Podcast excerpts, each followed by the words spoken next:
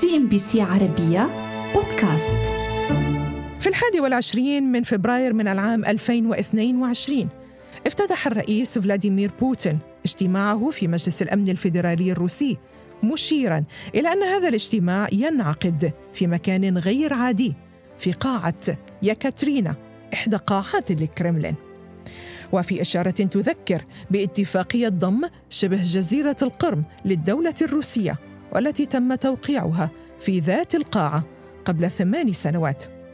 الكرملين يعني باللغة الروسية الحصن أو القلعة، ويكتسب مكانة خاصة لدى الشعب الروسي، حيث يقولون عنه إنه لا شيء أعلى من موسكو إلا الكرملين، ولا شيء أعلى من الكرملين إلا السماء. كان بوتين في ذلك الاجتماع قد سأل أعضاء مجلس الدوما عن رأيهم بمسألة الاعتراف بداينسك ولوغانسك وعضوا بعد الآخر. أعلن الجميع عن تأييدهم لمشروع القرار وبناء على ذلك وقع بوتين على مرسوم بهذا الخصوص بحسب ما أظهر التلفزيون الروسي.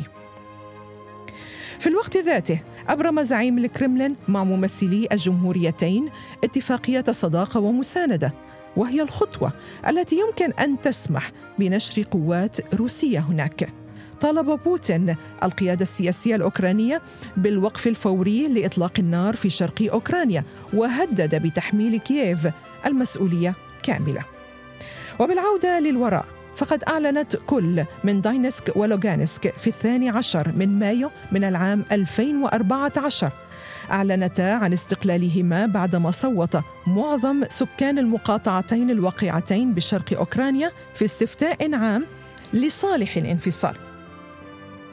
حيث بدأ الشرخ يتسع بسرعة ما بين كييف من جهة ودانيتسك ولوغانسك وعدد من المناطق الأخرى في شرق البلاد. عقب الانقلاب الذي جرى في فبراير 2014 وأطاح بالرئيس فيكتور يانوكوفيتش المنحدر من داينسك رفض سكان الشرق الناطقين بغالبيتهم باللغة الروسية والمؤيدين للعلاقات الجيدة مع روسيا. رفضوا الاعتراف بالسلطة الجديدة التي تصاعدت في داخلها الأصوات الداعية لحظر استخدام اللغة الروسية. وهنا يجدر التذكير بأن وجود جالية روسية كبيرة في تلك المنطقة يعود بشكل أساسي إلى إرسال عمال روس إليها بعد الحرب العالمية الثانية خلال الحقبة السوفيتية.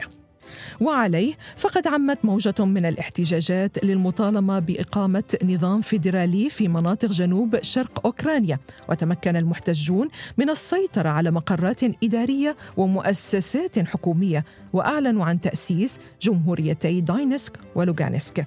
وفي مطلع العام 2015 تم اتخاذ حزمة من إجراءات التسوية أطلق عليها اتفاقيات مينسك التي تمنح وضعا قانونيا خاصا يحمي مصالح الجمهوريتين الأمنية والسياسية. تضمنت اتفاقيات مينسك والتي تم تبنيها بحضور زعماء من روسيا وأوكرانيا وفرنسا وكذلك ألمانيا تضمنت تلك الاتفاقات 13 بندا أبرزها التنفيذ الصارم للوقف الفوري والشامل لإطلاق النار في مناطق معينة من منطقتي دونيتسك ولوغانسك وقيام كلا الجانبين بسحب جميع الأسلحة الثقيلة على مسافات متساوية من أجل إنشاء منطقة آمنة. وإجراء إصلاح دستوري في أوكرانيا مع دخول الدستور الجديد حيز التنفيذ بحلول نهاية العام 2015 تسيطر جمهوريتي دونيتسك ولوغانسك على حوالي ثلثي أراضي مقاطعتي دونيتسك ولوغانسك والبالغة نحو 53 ألف كيلومتر مربع. ويبلغ مجموع عدد السكان حوالي ثلاثة ملايين ونصف المليون إنسان أغلبهم من أصول روسية. أراضي الجمهوريتين غنية بموارد طبيعية وكانت المنطقة تتميز بمستوى عال من الصناعات الثقيلة إلا أن الحرب وتداعياتها تسببت بأزمة اقتصادية حادة وانكماش ملحوظ في قطاع الصناعة. وأفادت آخر الإحصائيات أن تلك المنطقة تضم احتياطيات من الفحم بنحو 60 مليار طن وكانت تنتج ما يقارب من 75% من إجمالي الفحم المنتج في كل أوكرانيا كما كانت منتجاتها تستحوذ على 30% من إجمالي الصادرات وأيضا مساهمتها بحوالي 16% من إجمالي الناتج المحلي قبل إعلان استقلالها عن كييف. CNBC عربية بودكاست.